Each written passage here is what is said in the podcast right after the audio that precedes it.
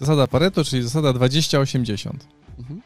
Czyli 20% klientów generuje 80% e, przychodu, na przykład. Generalnie jak każdy z nas zastanowi się nad, nad, swoim, nad swoimi czynnościami, które codziennie wykonuje, no to okazuje się, że statystycznie mniejszość z tych czynności przyczynia się do większości uzyskanego efektu. Czyli ty podajesz ten przykład ze sprzedażą, no to jest tak, że na przykład 20% klientów generuje nam 80% na przykład problemów albo zajmuje nam 80% czasu. Cała zabawa polega na tym, że jeżeli budujemy zespoły, e, to żeby budować je w takim oparciu, żeby każda, każdy człowiek w tym zespole e, mógł swoimi naturalnymi talentami właśnie przez większość czasu robić to, co jest najbardziej efektywne w danym momencie. Czyli nie, żebyś, żeby każdy z nas właśnie te 20% czasu osiągał te 80% efektów, tak jak jest z definicji wynika z Pareto, e, tylko żebyśmy zmaksymalizowali te 20% do, do, do, do, no do takiego progu powiedzmy najwyższ, najwyższego z możliwych, a, a rozdysponowali te 80% rzeczy, które są, e, które nam mniej odpowiadają na pozostałych członków zespołu. Tak, no i tutaj uwaga, no bo jeżeli pracujesz 4 godziny tygodniowo, mhm. no to y, pozostałe i robisz właśnie to zgodnie z zasadą Pareto, czyli masz powiedzmy jakąś dźwignię czyli przez te 4 godziny skupiasz się na tych najważniejszych rzeczach, które, które powiedzmy przynoszą ci najwięcej zysku, efektu, mhm. no to te pozostałe 36 e, godzin możesz poświęcić na 9 innych tego rodzaju aktywności, czyli tego rodzaju biznesu. Cyfrowy Bliźniak to podcast, w którym pokazujemy w przystępny sposób, jak skutecznie przeprowadzić transformację cyfrową Twojego biznesu. Jeżeli interesuje Cię technologia i wpływ na gospodarkę, to miejsce jest właśnie dla Ciebie. Podcast prowadzi Adrian Stelman, doradca wdrażający nowe technologie informatyczne w przedsiębiorstwach produkcyjnych. Oraz Paweł Pachowicz, który wspiera globalne organizacje w transformacji cyfrowej. Witam Cię, drogi widzu, drogi słuchaczu. E, zapraszam na kolejny odcinek Cyfrowego Bliźniaka, w którym poruszymy e, no, taką, myślę, uniwersalną mm, zasadę Pareto, i przytoczymy trochę przykładów z życia, trochę z biznesu, żeby potem przejść e, w kolejnych nagraniach już do większego szczegółu związanego między innymi z manufacturingiem. Zasada Pareto, czyli zasada 20-80. Mhm. Czyli 20% e, klientów generuje 80% przychodu, na przykład. Na przykład. Tak, no geneza... Skąd? No właśnie. Okej, okay. okay, czyli Czyli e, może powiesz nam, Adrian, coś więcej o genezie? E, to znaczy, wiesz, e, mm, sama zasada Pareto jest taka dość uniwersalna. Ona generalnie wzięła się już w XIX wieku. Taki był ekonomista, socjolog Wilfred Pareto i on odkrył w pewnym momencie, że to 20% bogactwa we Włoszech, że, że 80% bogactwa należy do, do 20% populacji. No i jak się tak nad tym zastanowić, mm, no to to jest takie zjawisko dość, y, dość y, można powiedzieć, powszechne. To znaczy, y, stosunkowa mniejszość ma większość. No w tej chwili ostatnio były chyba takie dane, że 1% najbogatszych ludzi na świecie posiada więcej majątku niż 50% najbiedniejszych. Tak? Czyli to jest kwestia tej odwróconej, odwróconej proporcji. No i z tej zasady wzięło się to, że generalnie jak każdy z nas zastanowi się nad, nad, swoim, nad swoimi czynnościami, które codziennie wykonuje, no to okazuje się, że statystycznie mniejszość z tych czynności przyczynia się do większości uzyskanego efektu. Czyli ty podajesz ten przykład ze sprzedażą, no to jest tak, że na przykład 20% klientów generuje nam 80% na przykład problemów albo zajmuje nam 80% czasu. No i 20% najlepszych klientów z kolei powoduje, że mamy 80% przychodu. No I co ty, okej, okay. no to co, co, co ty byś w takiej sytuacji zrobił? Jak mhm. masz, no bo to wydaje mi się, że to jest takie następstwo, które trzeba wytłumaczyć, e, zwłaszcza w, jakby w kontekście e, maksymalizowania e, przychodu i zysku albo minimalizowania e, strat, no to mhm. okej, okay, no to 20% klientów przy, przynosi 80% Y, przychodu. I co z tego? Mhm. No, znaczy wiesz co, y, pierwsza rzecz to jest w ogóle, żeby mieć świadomość, że to, to tak działa ze wszystkim. Mhm. E, to jest tak, że, że wiesz, jeżeli każdy z nas też ma jakiś talent y, określony, tak? Ktoś jest bardziej analityczny, ktoś działa bardziej na zasadach powiedzmy komunikacji ogólnej, ktoś wchodzi w bardzo głęboki detal, lubi szukać przyczyn e, e, jakichś, e, jakichś, jakichś efektów, a ktoś inny e, na przykład jest lepszym networkerem, prezenterem, liderem i tak dalej, i tak dalej.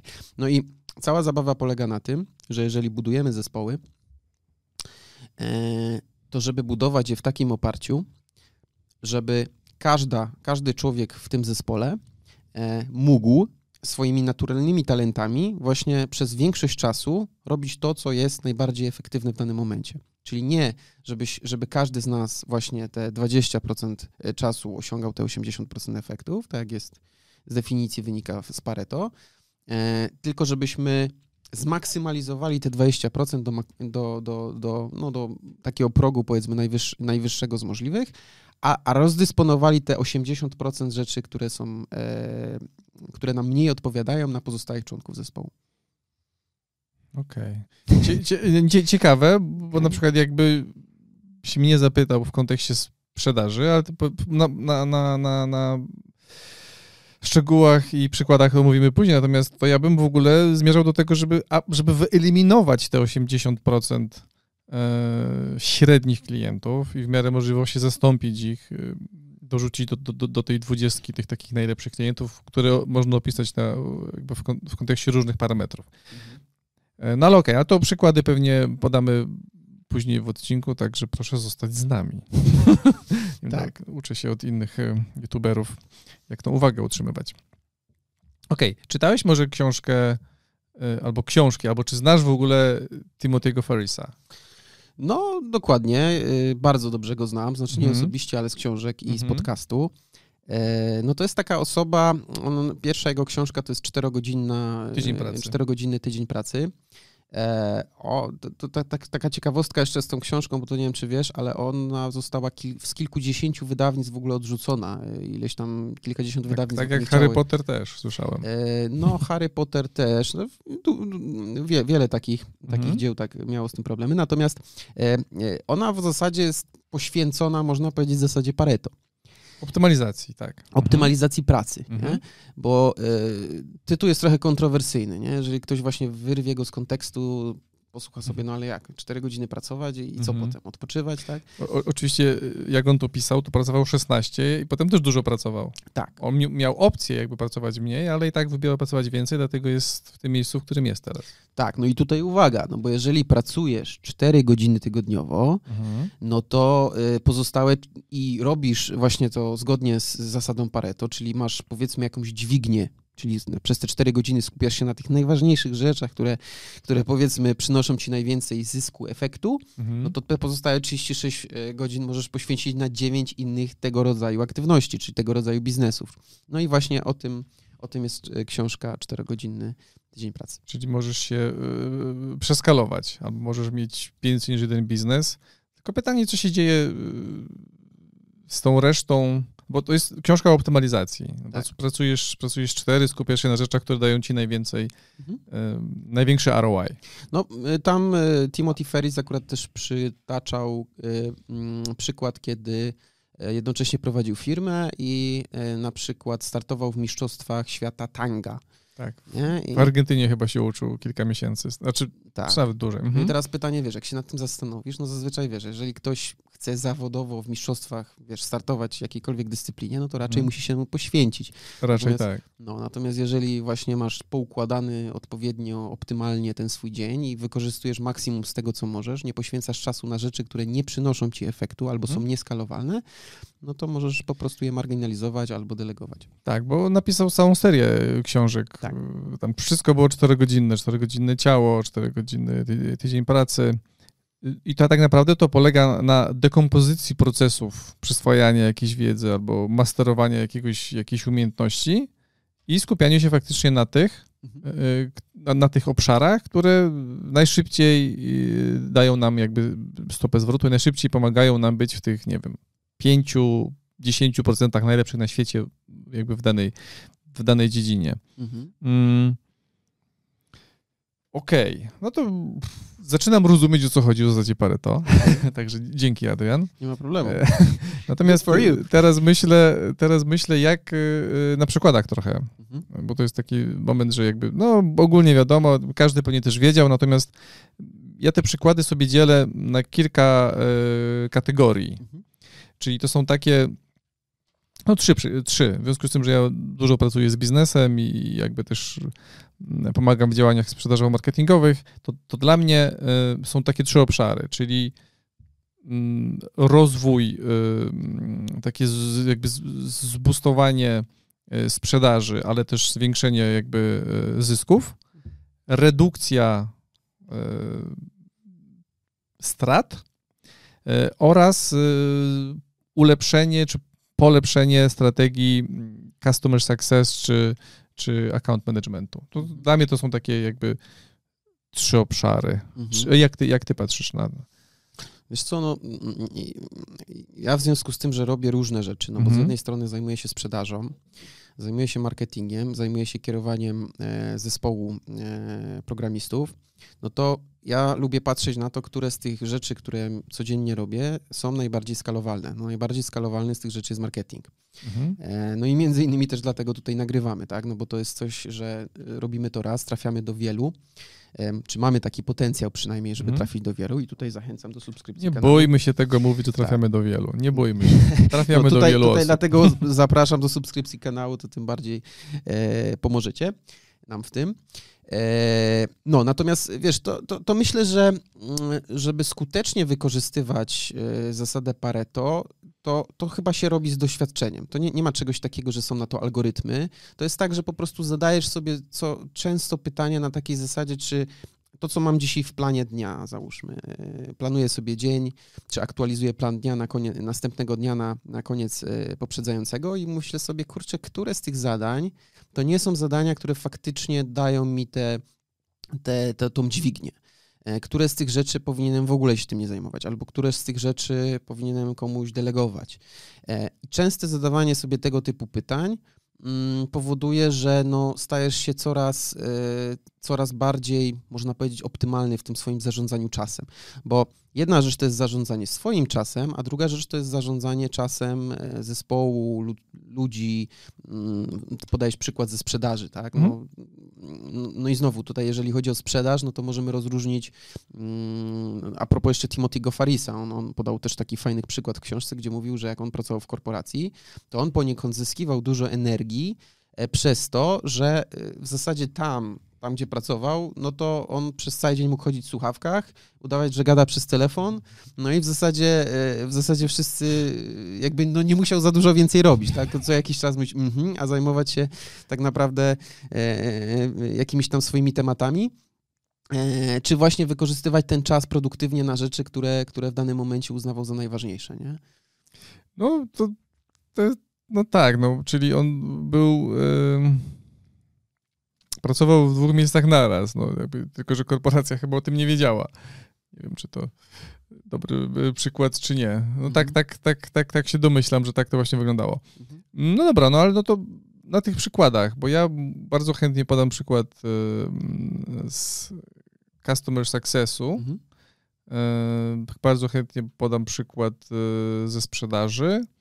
A masz jakiś przykład na to, jak wyeliminować jakby straty albo ograniczyć straty Mhm. wynikające ze stosowania tej, e, taki, taki realny, nie wiem, może na przykład z twojego życia jakiś przykład. Mhm. Znaczy, wiesz co, no, mm, przykład z życia. No, przede wszystkim musisz mieć, e, musisz wiedzieć, musisz mieć dane jakiekolwiek, nie? Mhm. Do tego, żeby wiedzieć, y, no, co ile czasu ci pochłania i jakie efekty to daje. Tak, czyli wchodzi Peter Drucker cały na biało i mówi, jak jeżeli tego nie mierzysz, to nie będziesz mógł tym zarządzać. No, wiesz, nie, nie, od, nie, od, y, jakby nie bez powodu te, te cytaty cieszą się takim dużym zainteresowaniem, bo one po prostu, po prostu działają. Tak. No i teraz, i teraz wiesz, no pytanie, jak to mierzysz? No możesz to mierzyć intuicyjnie. Ja na przykład y, korzystam z zegarka też inteligentnego, który mi mierzy tam, ile kalorii na przykład spalam w ciągu Mhm. dnia, jak mój sen długo trwa i tak dalej. No i na tej podstawie mogę na przykład, widzę, że nie wiem, jakiś taki bardziej zmęczony jestem, mniej produktywny, nie wiem, wszystkie rzeczy jakoś dłużej trwają, no to i pat- patrzę sobie, no co to spowodowało. Czy to Mhm. spowodowało, że może krócej spałem, może, może ta moja faza REM tego snu była nieodpowiednia i tak dalej. Więc bierze przede wszystkim, no trzeba się zastanowić, jakiego obszaru to dotyczy czy ogólnego planowania harmonogramu dnia, czy jakichś konkretnych, wy, wychwycenia jakichś konkretnych właśnie anomalii, no i potem wniknięcia w e, już większe szczegóły, tak. Jeżeli mówimy o sprzedaży, no to chociażby analiza lejka sprzedażowego i kategoryzacja tego lejka, nie? To jest bardzo fajne. To znaczy, no ja to na bieżąco takie, takie dashboardy mam, gdzie sobie patrzę, no jakie kategorie klientów, e, e, no i z, jaką marżowością na przykład sprzedajemy do nich, tak? Czy bardziej opłaca nam się na przykład iść w rynek, załóżmy automotive, czy lepiej jakiś inny, jakie produkty też pochłaniają czas, no bo jedna rzecz to jest development, druga rzecz to jest wdrożenia, Mm, no i próba wyciągania wniosków, tak, bo to, że coś jest nieproduktywne, no to pytanie dlaczego, tak, to jest nieproduktywne ja to akceptuję, ale do jakiegoś momentu to powinno zacząć być produktywne, bo na przykład jesteśmy na etapie developmentu e, produktu, e, no albo y, coś jest nieproduktywne od dłuższego czasu, więc może w ogóle taką działką akurat się nie zajmować, tak? Na co dzień po prostu iść i inwestować czas i, i umiejętności w inne dziedziny. Okej. Czyli ten, ten, ten przykład e, ze sprzedaży wydaje mi się jest Mhm. taki najbardziej oczywisty i może się każdemu przydać, mam wrażenie. Mhm. Ja mam z marketingu jeszcze. Okej, to ja ze sprzedaży, a ty potem z marketingu, Dobra. a ja potem jeszcze z customer success na koniec, czy tam account managementu, w zależności jak kto rozumie y, te pojęcia. No to w sprzedaży ja już tak zacząłem o tym mówić, że jakby bardzo często mm, mamy dużych klientów albo dużego klienta. No i ten klient z uwagi na to, że jest duży, to ma też swoje wymagania. I te wymagania często sprowadzają się do tego, że ten klient po prostu nie jest, e, nie obsługujemy go na dobrej marży. Czyli myślimy sobie, kurczę, mamy, mamy takiego fajnego jednego, dwóch, trzech, pięciu klientów, którzy są super, a to są takie trupy w szafie. Często, często te projekty są nawet w ogóle niemarżowe, tylko my na nich tracimy. Ale bardzo ciężko nam z nich zrezygnować, no bo dają nam revenue. Firmy nie upadają dlatego, że nie mają revenue, tylko że mają problemy z cash flow, z, z płynnością, więc taki duży klient powolutku odbiera nam potencjał, bo jakby on daje nam wolumen e, obrotów, natomiast nie, nie pozwala nam na to, żeby maksymalizować na nim zysk. Czyli ta zasada 20-80 e, sprowadza się do tego, że no, fajnie by było by mieć więcej klientów bardziej marżowych. Mhm. A albo bardziej, marżo, bardziej marżowych to jest jedna rzecz, a drugi parametr może być taki, że oni po prostu są ciężkimi klientami. I może i marża się zgadza, ale ilość pracy, jaką trzeba wykonać, żeby tego klienta e, zadowolić, jest no, porażająca. No i teraz trzeba sobie na pytanie odpowiedzieć, czy jest warto mieć takiego klienta Mhm. i w niego inwestować y, czas, czy nie poszukać, wiadomo, że ten proces lead genowy i znajdywania fajnych klientów jest skomplikowany, Mhm. no ale na pewnym etapie trzeba sobie odpowiedzieć na to pytanie, czy szukać tych klientów z tych 20%, którzy dają nam 80% e, e, rezultatów, czy no, grzebać się z tymi, którzy są roszczeniowi, e, ciężko ich obsłużyć, m- mają niską marżę. To jest podst- podstawa. Większość firm, na pewno, większość firm tego nie robi. Większość firm bardziej bazuje na tym, że jest jak jest, w związku z tym, że business development jest ciężki, a w 2023 będzie jeszcze cięższy. Mhm. No to to jest mój przykład ze sprzedaży, twój przykład z marketingu To ja teraz. jeszcze ze sprzedaży bym dodał jedną rzecz Mhm. a propos Pareto i a propos wykorzystania takiego powiedzmy potencjału e, najbardziej optymalnych rzeczy, no to zwróć uwagę tak, że jeżeli masz handlowca, to nie każdy handlowiec jest dobry na każdym etapie sprzedaży.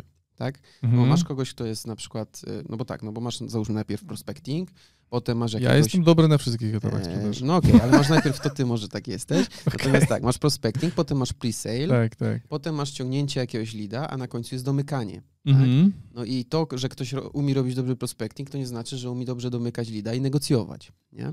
No i teraz pytanie, jak sobie w firmie poukładasz e, proces sprzedażowy, no bo możesz podejść taką drogą, że umie każdy handlowiec robi cały, obsługuje cały proces od A do Z, a możesz go po prostu podzielić na etapy, w zależności od tego, jakich ludzi masz na pokładzie, tak, żeby wykorzystać ich maksymalny potencjał w tych etapach, w których oni akurat czują się dobrze, czyli wykorzystują te właśnie maksymalizację tego, tego potencjału. Tak, to jest jakby kolejny aspekt.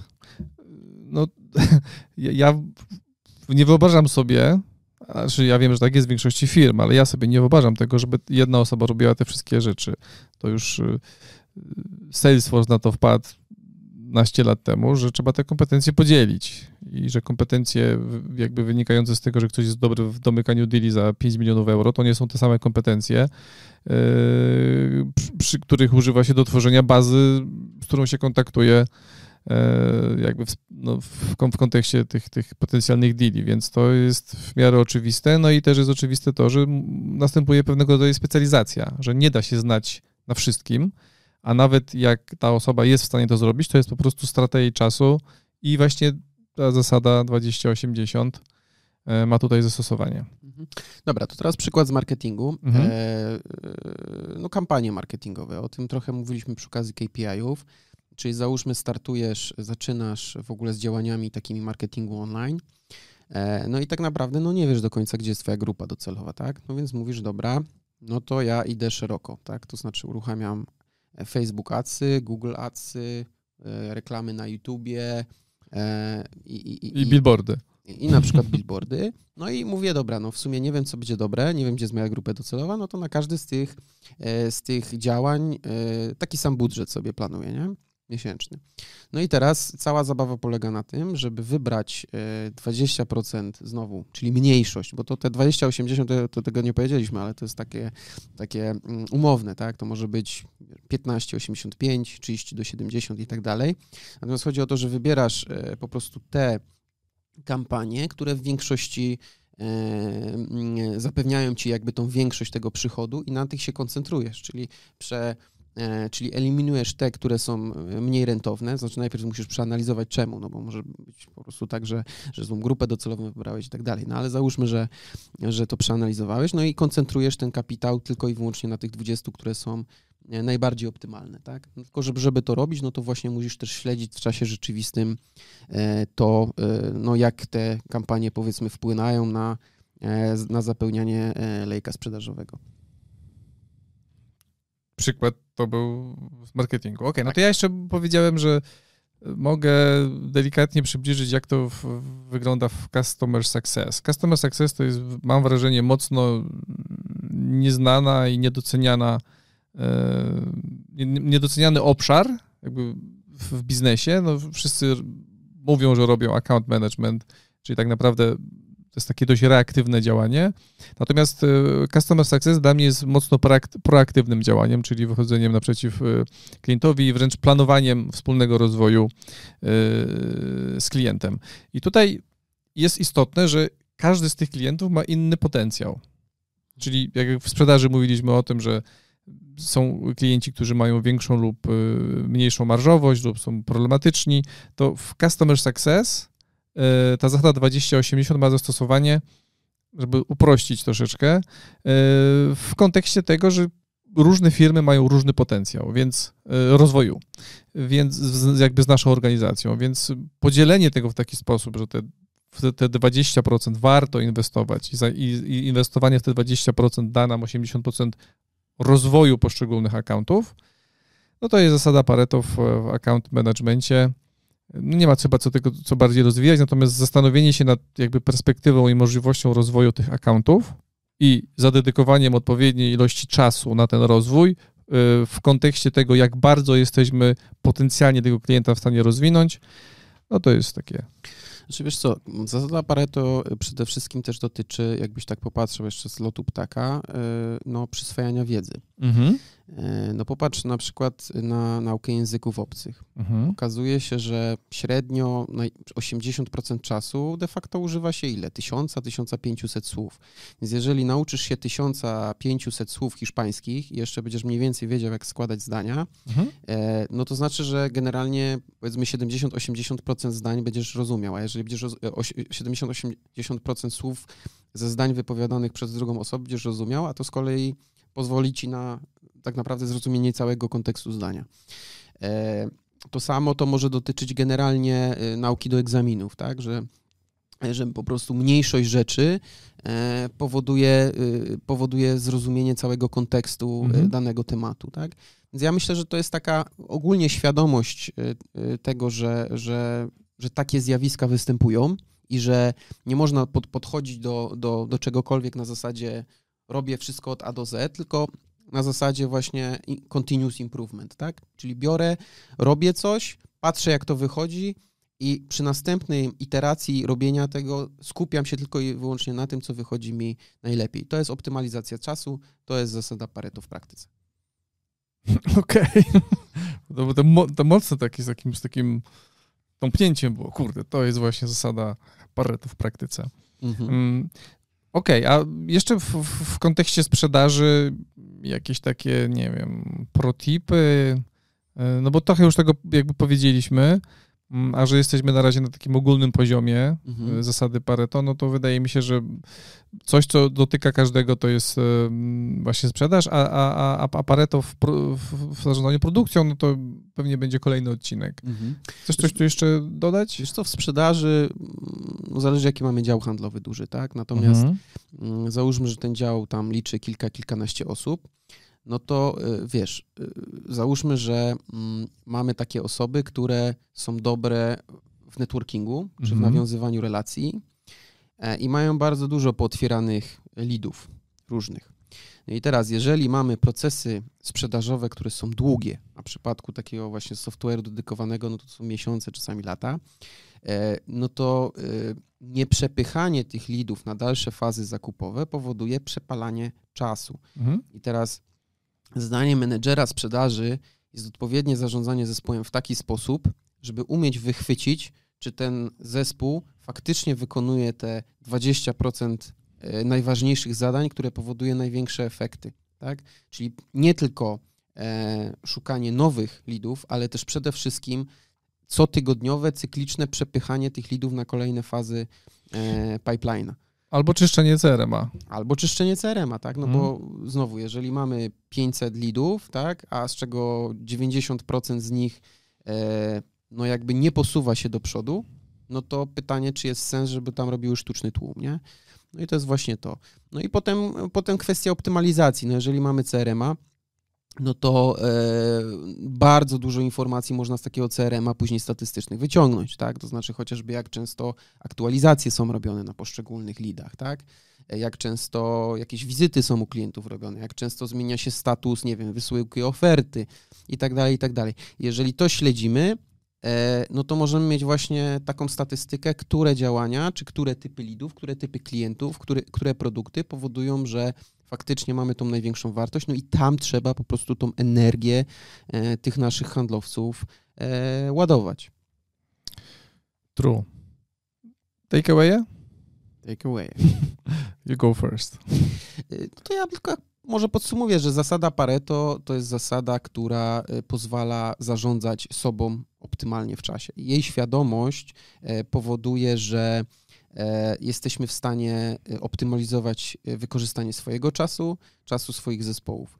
E, Nie da się tego nauczyć podręcznikowo, trzeba po prostu cały czas zastanawiać się nad tym, co robimy, jak to robimy, jakie to przynosi efekty, no i gromadzić, powiedzmy, szereg informacji, które pozwoli nam te wnioski wyciągnąć. I myślę, że ona jest do zastosowania w każdym możliwym obszarze życia, niezależnie czy to jest uprawianie sportu, czy to jest sprzedaż, czy to jest marketing, czy to jest budowanie biznesu, czy to jest wejście na nowe rynki, mm, czy to jest nauka angielskiego, tak jak wcześniej wspomniałem, tańca, czy czegokolwiek innego. Także stosowanie w praktyce tej zasady Pareto potrafi być game changerem i może być taką realną dźwignią do tego, żeby po prostu umieć więcej i robić, robić więcej. Tak. Mój takeaway tyczy się produktywności. Eee, I tyczy się produ- produktywności w taki sposób, że bardzo często, jakby z mojego doświadczenia w konsultingu, widziałem, że jest mnóstwo osób, które w organizacjach jest zajętych, ale nieproduktywnych. I ta zasada Pareto pozwala trochę tych ludzi od siebie pooddzielać, bo to są tacy, którzy ciągle biegają z tymi przysłowiowymi pustymi taczkami, robią mnóstwo zamieszania. No i to wygląda, że kurczę, są, są zajęci, oni są busy, cały czas są busy. Natomiast jeżeli spojrzymy na produktywność tych, tych ich działań, no to to jest, jest niewielka. A są osoby, które właśnie stosują tą zasadę Pareto same do siebie, do swoich działań, no i one nie są aż tak zajęte, a ich produktywność jest większa. Więc sama ta zasada pozwala optymalizować praktycznie całą organizację, bo da się właśnie oddzielić ludzi, którzy są permanentnie zajęci, od ludzi, którzy są produktywni. Mhm. To wiesz co, o tym jeszcze powiemy właśnie w następnym odcinku, myślę trochę. Tak lubię zaspoilerować ja, czasem. Tak, no. lubię zaspoilerować, ale ja powiem ci y, fajny przykład taki, który chyba każdy z nas przeżywał w życiu. Mhm. Szkoła podstawowa, dużo osób, y, na pewno każdy w klasie miał takich, którzy na przykład przepisywały notatki, żeby one lepiej wyglądały, nie? Tak, tak. Zdarzały się takie osoby, prawda? No i co się okazywało później, że na egzaminach czy na jakichś sprawdzianach osoby, które pisały ściągi, ale nie korzystały nawet z tych ściąg, miały często lepsze, lepsze oceny niż te osoby, które e, przepisywały całe zeszyty. No z jednej strony przepisywanie zeszytu pochłania mnóstwo czasu, mhm. tak? No bo, no, bo, no bo to jest oczywista sprawa. E, natomiast nie jest aż tak produktywne, tak? No bo my przepisujemy wpisujemy słowo w słowo to samo. A robienie ściągi wymaga takiej wiedzy, gdzie ty musisz tak naprawdę skondensować tą wiedzę do tych najważniejszych informacji. I to powoduje też usystematyzowanie tego w głowie. I to jest tak naprawdę, bo, e, tak nawiązując do tych bezproduktywnej pracy Bo przepisywanie tych notatek jest bezmyślne. Jedziesz od A do Z, przepisujesz wszystko, a tworzenie ściągi, nie wiem, czy to jeszcze funkcjonują, coś takiego jak ściąga, no ale tworzenie ściągi no, wymaga jednak zastosowania zasady 20-80 i wybrania 20, 20% informacji, które prawdopodobnie na 80% pojawi się na, na sprawdzianie, więc y, czy tam jakimś egzaminie. Kurczę, nie, nie wiem, że, czemu weszliśmy na, na temat ściągania, ale okej, okay, dobry przykład, na pewno mocno mm, w pamięci yy, się za korzeni. Za korzeni. Dziękuję Ci, Adrian. Nie ma sprawy. No dobra, to co? To dziękujemy za dzisiaj. Będziemy wdzięczni za komentarz, za suba. Pomoże to nam i algorytmom YouTube'a dotrzeć do większej ilości osób. Dzięki i do zobaczenia za tydzień. Dzięki.